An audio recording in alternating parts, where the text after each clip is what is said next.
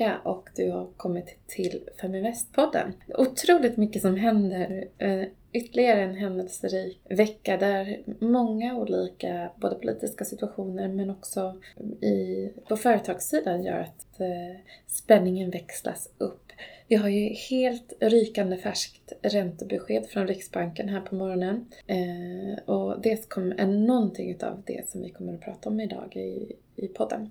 Vi har många bolag som byter VD. Vi har bland annat en ny VD och koncernchef på bilbolaget Saab. Och det är Mikael Johansson som, eh, som kliver in där. Även Nordea har eh, utsatt en ny VD och det är Frank Wang Jensen som tar över efter föredättingen, nu får man säga, Kasper von Koskull. Swedbank har också gjort ett byte, men där är det inte på VD-sidan utan det är på kommunikationssidan. Och det är ju Gabriel Franke som har fått kritik för sin, sitt hanterande, eller hur han har lett kommunikationen under den kris som banken har genomgått eh, under de sen, det senaste halvåret. Han eh, har ändå varit där ett tag och eh, kom in efter en före detta kris, fastighetshärvan, där flera av bankens chefer hade gjort fastighetsaffärer eh, gemensamt och även i samarbete med några av kunderna på banken. Så det vart ju en skandal han fick rensa upp i då. Vi har även en eh, annan spännande nyhet eh, som kom i veckan och det är ju att Apple planerar att lansera en ny billigare telefon eh, och det under, under 2020 Eh, tidigt 2020. Jag ska säga det att det här är en av mina, mina tankar till att jag faktiskt lämnade Apple. Jag har använt iPhone under många år men valde efter att Apple gick ut med att man inte redovisade hur många telefoner man, man sålde och även att jag tyckte att telefonerna blev allt för dyra för det man faktiskt fick. När det kommer till, till datorer och sådär så har jag stort fan utav deras produkter men just det, det gjorde att jag blev less och lämnade eh, i våras. Eh, så att de kommer med en billigare variant av telefonen tycker jag är helt rätt eh, av bolaget. Spännande att se vad det blir för någonting. Vi har även dramatik politiskt och det är ju det brittiska parlamentet som igår kväll godkände ett, ett nytt lagförslag som gör att man blockerar möjligheten att lämna EU utan ett avtal. Så ett avtalslöst Brexit. Och det här är ju Boris Johnson som är nytillträdd premiärminister inte alls nöjd med. Han har haft en tuff start där i, i den nya rollen, men har även haft kört en ganska aggressiv strategi. Vi får se vad som händer framåt, men det närmar ju sig med stormsteg och det är helt klart så att både investeringar i UK men även eh, eh, ja, men den europeiska handeln eh, inväntar vad som komma skall. Vi har även sett att centralbankerna sänker räntorna världen över. Och eh, idag på morgonen så rapporterade även Stefan Ingves om prognosen framåt och hur, hur den svenska riksbanken eh, planerar för eh, penningpolitiska åtgärder. Det kom faktiskt något som en överraskning. Igår så meddelade Nordea att man trodde att man räknade med att räntan skulle behöva sänkas framåt. Dagens presskonferens faktiskt nu kommunicerar det motsatta. Man utgår ju såklart ifrån att marknadsräntorna har fallit och att eh, även förväntningarna på inflationen har, har sjunkit. Och då är det framförallt i, i Europa. I kölvattnet av att eh, flera centralbanker har sänkt sina styrräntor eller kommunicerat att Eh, penningpolitiken skulle göras mer expansiv eh, så har det därmed lutat åt att man, man trodde att, att Riksbanken eventuellt skulle eh, sänka förväntningarna på reporäntan. Men man lämnar reporäntan oförändrad på minus 0,25 procent och eh, mot bakgrund av att konjunkturen är stark, inget nytt där men såklart även att Riksbanken fokuserar väldigt mycket på inflationen och det är det man lyfter fram då. Att, att inflationen sedan 2017 har varit nära det 2-procentiga målet. Eh, de senaste utfallen har varit något högre. Den senaste ändringen som gjordes av eh, reporäntan det var den 19 december 2018 då man höjde från minus 0,5 till minus 0,25 procentenheter. Eh, och det här var ett enhälligt beslut men det blir spännande att se ändå hur, hur ränteutvecklingen kommer vara och om, om man kommer hålla fast vid, vid det här beslutet om ett kvartal. Riksbanken meddelade även att man eh, kommer att vidhålla och köpa de här statsobligationerna om sammanlagt 45 miljarder kronor.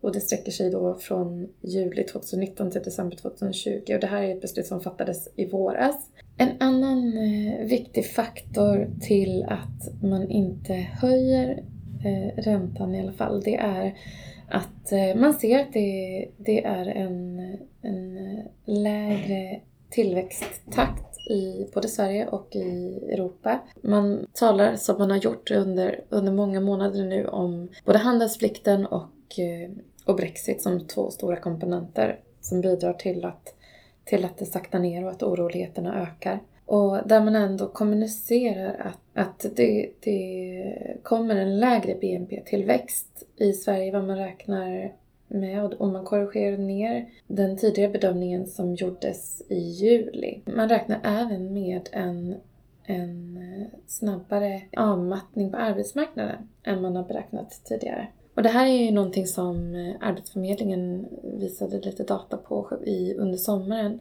Att eh, arbetslösheten har, har gått upp. Dock så är sommaren en, en svårare period att, att Eh, att, räkna på. Så den svenska kronan stärktes i alla fall mot bakgrund av beskedet på morgonen gentemot både dollarn och eh, pundet. Det blir spännande att se om det här kommer att hålla i sig eh, någon längre period. Men de som trott på, på kronan eh, kortsiktigt och tradat har absolut tjänat en slant. När det kommer till löneökningar så spår man eh, samma utveckling egentligen på 2,6 procent i år, något över med 2,9 procent nästa år och 3,2 procent 2021. Det ska sägas att eh, reporäntan även förväntas ligga lägre långsiktigt. Om två år så förväntas den ligga på 0,2 procent och där kan man ju jämföra med, med den prognos som kom i juli och då den skulle ligga på 0,52 procent. Så det är ändå en, en mer försiktig, långsiktig eh, förändring, eh, eller en avmattning helt enkelt. Det här nya beskedet som, som eh, presenterades idag gör ändå att det finns en förväntan om att det eventuellt blir höjda bolåneräntor eh, i och med årsskiftet. Och det är ju någonting som påverkar eh, fastighetsägarna såklart. Men med tanke på den, den långsiktiga ränteutvecklingen så eh, är frågan om man ska ta tillfället i akt att, att förhandla om räntevillkoren eller inte. Oavsett, otroligt händelserik vecka och mer kommer det att bli. Bara nu i några veckor så ligger ju ändå datumet för, för Brexit och eh, Boris Johnson har en hel del arbete framför sig måste man ju verkligen säga. Boris Johnson eh, har faktiskt en liten rolig anekdot runt, eller jag vet inte hur mycket som ligger i det, men jag hade en, en bekant när jag bodde i London som jobbade som han, med hans kommunikation, och ansvarade för kommunikationen. Eh, och hon berättade att eh, han är precis så där virrig som han ger intrycket av att vara. Hon eh, fick bland annat eller hon raljerade egentligen över att hon fick cykla och plocka upp honom varje dag för att se till att han kom till jobbet. Hur mycket det ligger i det, ja, det, det vet jag inte. Men, men det förstärker i alla fall intrycket man har utav honom, eh, helt klart. Jag vet inte om ni kommer ihåg när han fastnade i en lyftkran och eh, många skrattade gott åt eh, upp, synen av honom hängandes där uppe eh, för, för några år sedan. Ja, från en blond kalufs till en annan. Trump gick ut med i maj 2018 att eh, han skulle lämna grönavtalet. Ett vallöfte som han hade. Och eh, det här har ju gjort att det har varit en ganska orolig tid i och runt omkring den Persiska viken. Och i våras så var det diverse båtar som beslagtogs.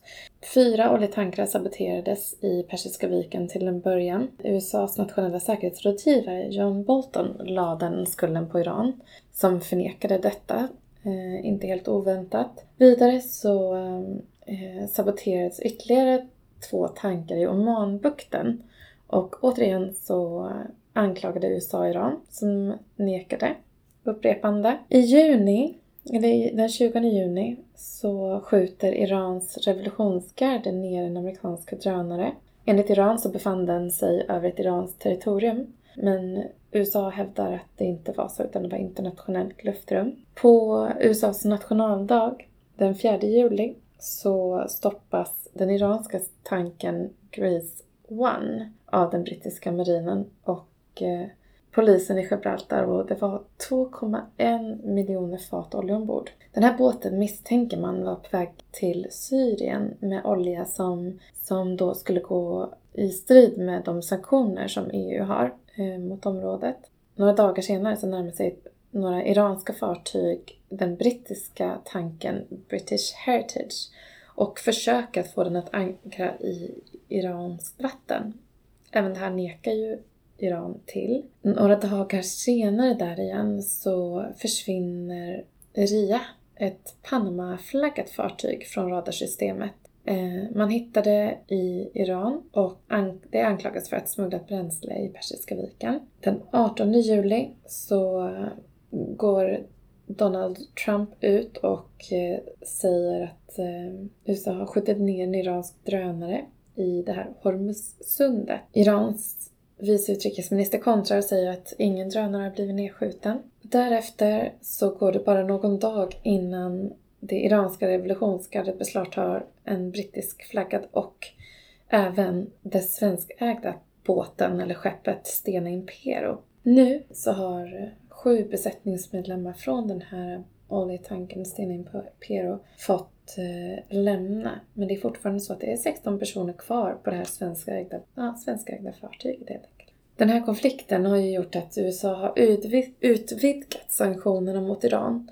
Ehm, och då har de, eh, det inkluderar även eh, rymdmyndigheten och forskningsorganisationer då. Anledningen är att man menar att det här är täckmantel för, eh, för ett robotprogram. Så även globalt så trappas konflikterna upp. Ehm, Vi kan förvänta oss en, en fortsatt ganska orolig tid och nu på köpet eh, en, enligt de nya prognoserna från Riksbanken, en, en svagare svensk eh, tillväxt. Ja, hur ska man då tänka när man placerar i, i sina pengar, besparingar i eh, aktier eller i ägandet på aktiemarknaden där det är osäkert och det finns eh, risk att det blir en nedgång. Och där tror jag det är otroligt viktigt att utgå ifrån sin egen sparhorisont. Om det är några år till som du, som du förväntas ha dina pengar investerade så finns faktiskt goda möjligheter att eh, komma in i bolag och investera eh, till ett lägre pris när, om börsen då går ner. Så se det som en möjlighet, spara regelbundet, gå in i olika typer av branscher, geografier. Ehm, håll dig informerad om de bolagen du går in i. Utgå även ifrån geografiska, eh, ja men om du ser att det finns begränsningar politiskt till exempel. Vi har ju sanktionerna i USA eller eh, Storbritanniens utträde ur, ur EU som ändå indikationer och, och, kanske möjliga bromsklossar för en del bolag. Så utgå ifrån, ifrån eh, den informationen och, och tro på de bolagen som du går in i så är det bara tålamod och lyfta blicken från, från kortsiktiga. Det är ju så att bolag som som genererar vinst och som växer och som löser faktiska problem eh, kommer det att finnas gott om tillväxtmöjligheter för även på en börs. Mikaela Berglund heter jag och jag är tillbaka nästa vecka. Önskar er ett fint avslut och missa inte imorgon så kommer ju bland annat en ny rapport från Svensk Mäklarstatistik om vilka bostadspriser som har gått upp eller ner och hur bostadsmarknaden ser ut. Så det kan, det kan du se fram emot. Spännande. Ha det bra! Hejdå!